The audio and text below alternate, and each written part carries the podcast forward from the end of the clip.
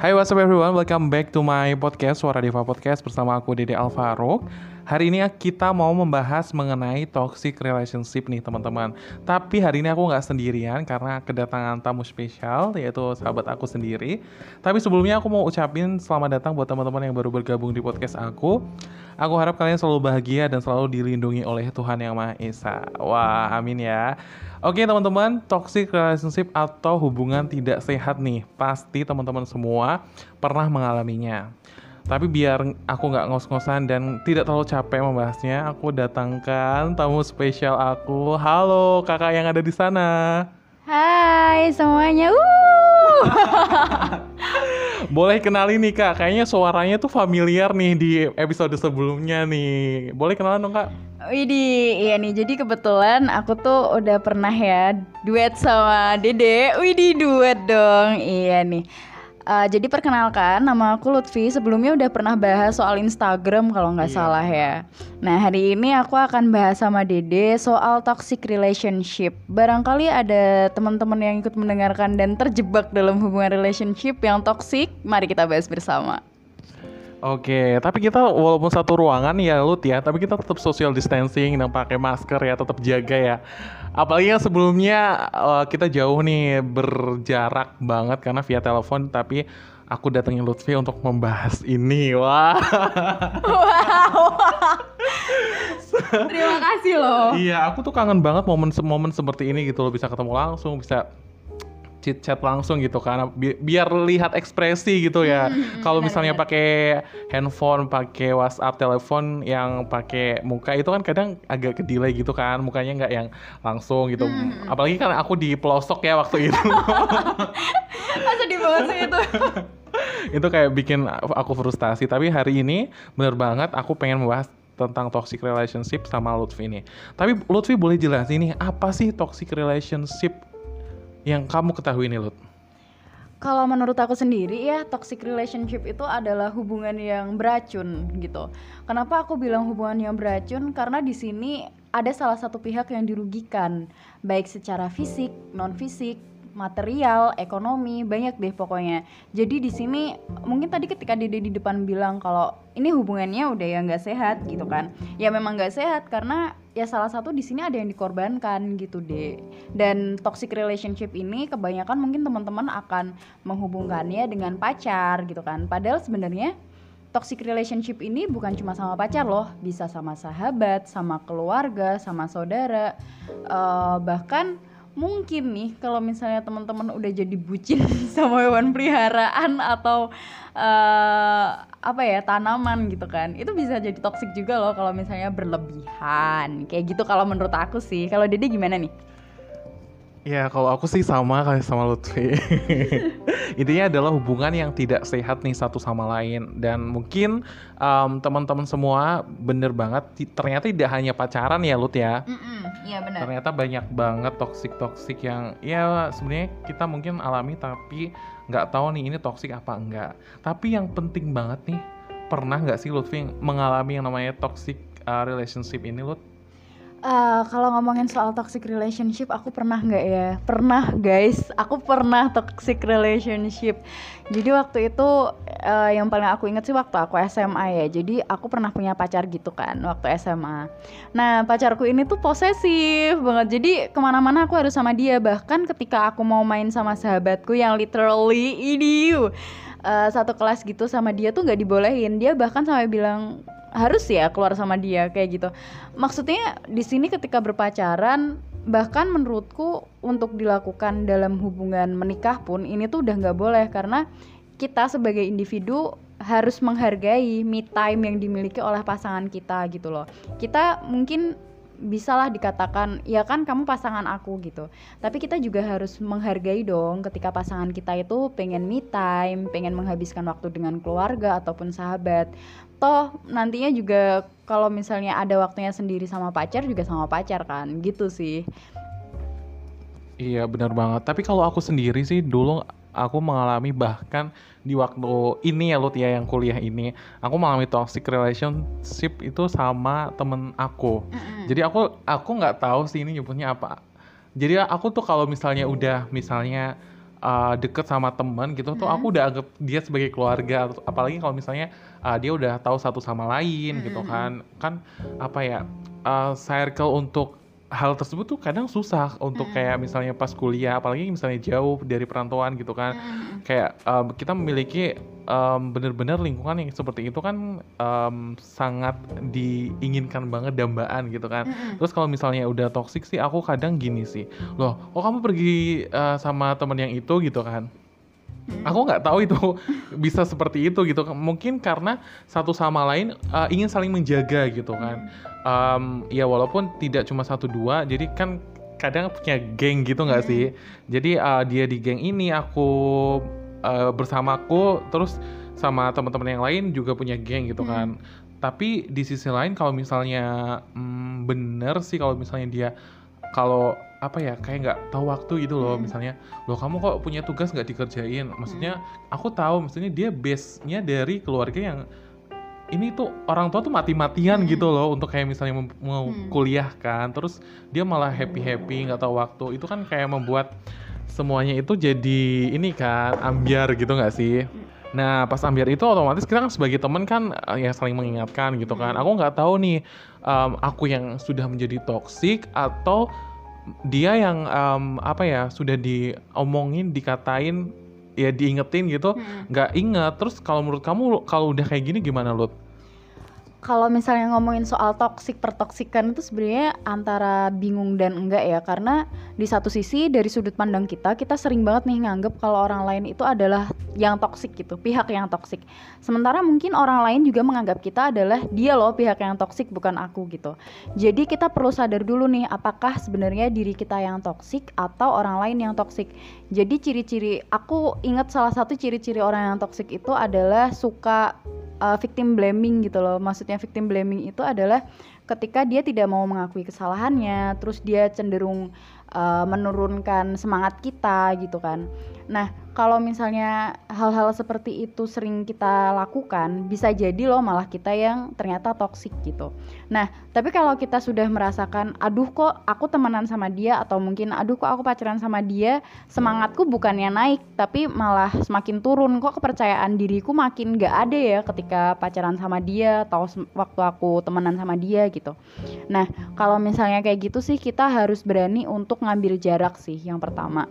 Kenapa kita perlu ngambil jarak? Karena semakin kita sering deket sama orang yang seperti itu, semakin terbunuh juga loh sebenarnya eh, mental kita gitu. Itu merusak mental karena ya coba deh setiap hari kamu makan jamur beracun gitu misalnya. Ya kamu kalau misalnya nggak mau menghindari ya kamu bakalan mati. Simpelnya sih kayak gitu. Yang pertama kita harus belajar untuk ngasih space gitu. Yang kedua kita harus berani untuk ngomong kalau misalnya kita udah terlanjur sayang nih sama teman kita atau pacar kita gitu kan. Apalagi sama keluarga kan yang jelas-jelas kita nggak bisa ngasih space terlalu jauh gitu karena setiap hari akan ketemu. Itu kita bisa kok kayak mulai mendiskusikan atau berbicara bersama soal enaknya gimana ya jalan keluarnya kalau misalnya aku ngerasa kamu kayak gini nih gitu. Nah biasanya kalau hal ini dilakukan semisal nih orangnya yang mau diajak diskusi jadi dia masih nggak terlalu yang menggebu-gebu gitu loh. Yang masih oh oke aku salah. Berarti aku harus gini. Ada kan orang yang seperti itu. Tapi kalau misalnya ya orangnya emang nggak nggak bisa seperti itu dan apa sih kamu? Kenapa kamu kayak gini? Kenapa nggak kamu aja yang ngelakuin? Kenapa harus aku? Kenapa lalalala, gitu kan. Banyak kan orang yang seperti itu. Nah itu kita mungkin eh, kita nggak bisa memaksakan kalau kan harusnya dia kayak gini ya kan harusnya seperti ini ya nggak bisa kayak gitu. Jadi kita sadarin aja oh berarti dia memang orangnya seperti itu itu adalah watak dia yang tidak bisa berubah. Berarti kalau dia tidak bisa berubah kita yang harus berubah gitu. Entah itu berubah menyesuaikan atau mungkin berubah dengan uh, belajar mencintai diri sendiri. Jadi ketika nantinya dia ngata-ngatain kamu yang gak jelas nih misal kamu sebenarnya udah usaha mati-matian untuk melakukan sesuatu terus dia bilang kamu tuh ngapain sih males banget nah, nah, nah, nah, nah, nah, gitu kamu sadarin aja yang dia omongin itu nggak benar dan aku harus mengapresiasi apa yang udah aku lakukan sebelumnya. Kayak gitu sih. Kalau menurut aku seperti itu. Jangan lupa untuk berani speak up guys Iya sih, yang paling susah tuh kalau misalnya udah di lingkaran itu sih ngomong ya, karena sifat nggak enak satu sama lain, Hmm. terus uh, nanti dia gimana ya, maksudnya kadang tuh kita udah merasa dewasa tapi teman kita belum secara dewasa untuk bisa menerima bahwasanya apa ya kayak omongan dari orang lain juga gitu kan. Heeh, Nah itu yang kadang membuat ya udahlah dijalanin aja gitu kan. heeh. Tapi lama-lama emang bener banget kata Lutfi, ya capek sendiri gitu loh. Kita um, mau keluar jadi ketarik ulur, ketarik ulur terus gitu kan. Nah, yang jelas um, karena aku nggak tahu sih maksudnya um, apa ya kalau dari sisi mm, sahabat mungkin akan seperti itu. Tapi tadi Lutfi tuh ngomong soal pacar nih Hmm. soal pacar. Lalu Lutfi ini bisa kayak keluar dari yang namanya ya toxic relationship dari pacaran itu bagaimana nih Lut? Kalau aku sih dulu ya, dulu banget kan udah lama nih SMA ya. Dulu tuh aku masih belum tahu gitu loh. Kira-kira keputusan apa sih yang tepat yang harus aku ambil apalagi remaja waktu itu masih kurang banget lah edukasinya gitu kan. Jadi aku menuruti kata hatiku sih eh, jadi waktu itu tuh aku udah sampai bener-bener di tahap di mana aku udah mikirin nih buat nikah gitu kan. Wow. Wow. Jadi aku mikirnya gini ya waktu itu tuh eh, bayangin aja loh Lut kalau misal aku ngomong ke diriku sendiri ya ini. Bayangin aja deh Lut kalau misalnya sekarang aja kamu pacaran dilarang-larang kan. Terus kalau misalnya nanti kamu nikah bisa-bisa kamu nggak akan diizinin untuk sekedar keluar rumah kecuali emang bener-bener urusan rumah tangga gitu. Terus aku kayak mikir lagi bisa nggak ya aku hidup sama orang yang seperti itu seumur hidupku gila nggak sih? Aku mungkin saat ini sadar sih mungkin waktu itu aku mikirnya kepanjangan sampai ke sana-sana. Tapi aku juga mensyukuri coba kalau misalnya dulu aku nggak mikir seperti itu mungkin aku nggak akan keluar dari circle toxic relationship ini. Nah terus akhirnya waktu itu aku memberanikan diri untuk ya udah aku harus stop karena aku sayang gitu loh sama diriku sendiri. Aku nggak mau membunuh mentalku secara perlahan. Akhirnya aku berani ngomong sama dia eh, aku bilang sorry kayaknya kita harus stop dulu sampai di sini. Mungkin nanti kalau misalnya kita memang berjodoh eh, kita akan dipertemukan lagi. Kalau misalnya enggak ya udah berarti memang kita bukan jodoh gitu kan. Akhirnya ya udah sampai situ. Dan yang sebelin yang paling aku sebelin adalah dia masih berusaha untuk ngejar-ngejar gitu loh. Dia yang kayak masih "Eh, jangan putus dong. Dia tuh sampai menghubungi orang tuaku. Hanya demi supaya nggak putus gitu. Dia alasannya yang udah seperti ini aku udah sayang udah seperti ini udah kenal sama keluarga bla bla bla bla. Tapi terus aku mikir kalau misalnya alasannya hanya kenal sama keluarga Beb, kalau nanti kamu nikah, kamu yang ngejalanin bukan keluargamu lagi. Mau sampai kapan kamu ngatasnamakan keluarga sementara hati kamu sendiri nggak bahagia gitu. Wow, sedih sih kalau mendengar ceritanya. Lalu em, yang paling apa ya untuk move on ini mungkin kita butuh waktu ya, spare waktu yang benar-benar eh, oke aku akan menerima orang baru gitu kan. Lalu Lutfi setelah uh, dari cinta cinta-cintaan di SMA ini spare waktu dari yang kamu in uh, dari orang lama itu terus menerima orang baru itu berapa lama Lut? Dan juga apa ya? Apakah orang uh, baru ini kamu menilainya akan seperti apa gitu? Maksudnya dari sisi yang um, kamu inginkan atau emang bener-bener eh taunya dia emang baik dan aku nyaman sama dia gitu. Oke, jadi kalau misalnya ngomongin soal spare waktu nih, aku tuh dulu bisa dikatakan sebagai eh apa ya playgirl kali ya. dulu sih ya. Jadi dulu tuh sebelum aku putus, aku udah punya pacar duluan guys. Oh my god. Iya jadi karena apa ya aku tuh tipe orang yang gampang banget kesepian gitu loh jadi ketika aku kesepian pikiranku udah yang ke mana-mana dan karena aku menyadari itu oke berarti sebelum aku putus nih karena ya kamu tadi kan bilang ya untuk mencari orang baru dan bisa menerima itu susah banget apalagi modelan kayak aku gini loh nah itu tuh waktu itu jadi aku kayak mikir oke jadi aku harus punya pacar dulu nih gitu. Nah terus akhirnya aku pacaran lagi sama mantanku yang sebelum dia guys. Tapi itu pun nggak bertahan lama ya karena apa ya aku menganggap sepertinya hubungan relation ini nggak lagi aku butuhkan banget gitu. Nah dan waktu itu pun aku sempat bener-bener yang kayak ngerasa kehilangan gitu. Tapi ada rasa puas tersendiri dalam diriku ketika aku putus sama dia tuh rasanya kayak yang ih akhirnya kok gue bisa bebas ya gitu. Padahal dulu dulunya tuh kayak yang ke mana-mana kan bareng cari makan bareng bahkan fotokopi. Fotokopi itu di depan rumah gue tuh ada. Gue harus manggil dia harus telepon dia harus whatsapp dia anterin aku fotokopi ya. Kalau dia nggak nganterin dia tuh marah. Bayangin guys dari situ terus aku jadi mikir ya bener lah gue uh, ngerasa lega gitu. Ya karena siapa juga sih yang yang bisa diginiin terus gitu ya. Mungkin untuk orang yang seindependen aku aku nggak bisa gitu ya. Tapi mungkin beberapa orang merasa oh itu kan wajar gitu ya. Silahkan. Tapi untuk aku sih itu bukan sesuatu yang wajar lagi sih gitu. Iya sih bener banget. Apalagi kalau misalnya uh, hubungannya itu emang udah lama, tapi kita menemukan hal kayak toxic itu kayak mungkin dari hal kecil tapi jadi toxic itu mungkin pernah ya Lut ya. Nah terus ketika kamu misalnya nih dapet yang namanya barang-barang dari hmm. uh, ya temen eh mantan, mantan ya. Ah, mantan. Sekarang mungkin jadi teman gitu kan. Nah apakah kamu uh, tipe yang mengembalikan atau emang bener-bener ya udah ini cerita gue sama lo dan ya udah gitu aku save aja ya. terus um, ya udah akan jadi kenangan berarti kita berhenti tuh karena ini jadi sebagai pembelajaran aku dan mungkin dia udah lupa gitu nah yeah, kamu yeah, tuh yeah. tipe yang mana nih Lut? Nah kalau misalnya masalah barang sendiri ya aku tuh bukan orang yang suka ngasih barang sebenarnya tapi aku yang diberi mm -hmm. jadi aku yang dikasih barang gitu Terus uh, aku juga bingung nih ketika akhirnya putus. Jadi tuh dulu aku pernah dikasih ketika sudah putus. Jadi uh, statusnya adalah mantan pacar gitu ya.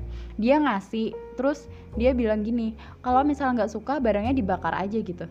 Terus dalam hati aku yang kayak marah banget karena aku mikirnya kenapa sih harus dibakar gitu kan? Maksudnya aku tahu loh ketika ngumpulin duit apalagi anak SMA kan hmm. belum bisa kerja dapat duit juga dari orang tua kok bisa ngomong segampang itu gitu? Terus ya aku bilang enggak enggak aku bakar. Terus aku bilang kan kalau misalnya aku mau kembaliin ke kamu gimana? Aku gitu. Terus dia bilang nggak usah lah dibalikin lagi pula barang-barang kayak gitu siapa yang mau make gitu kan.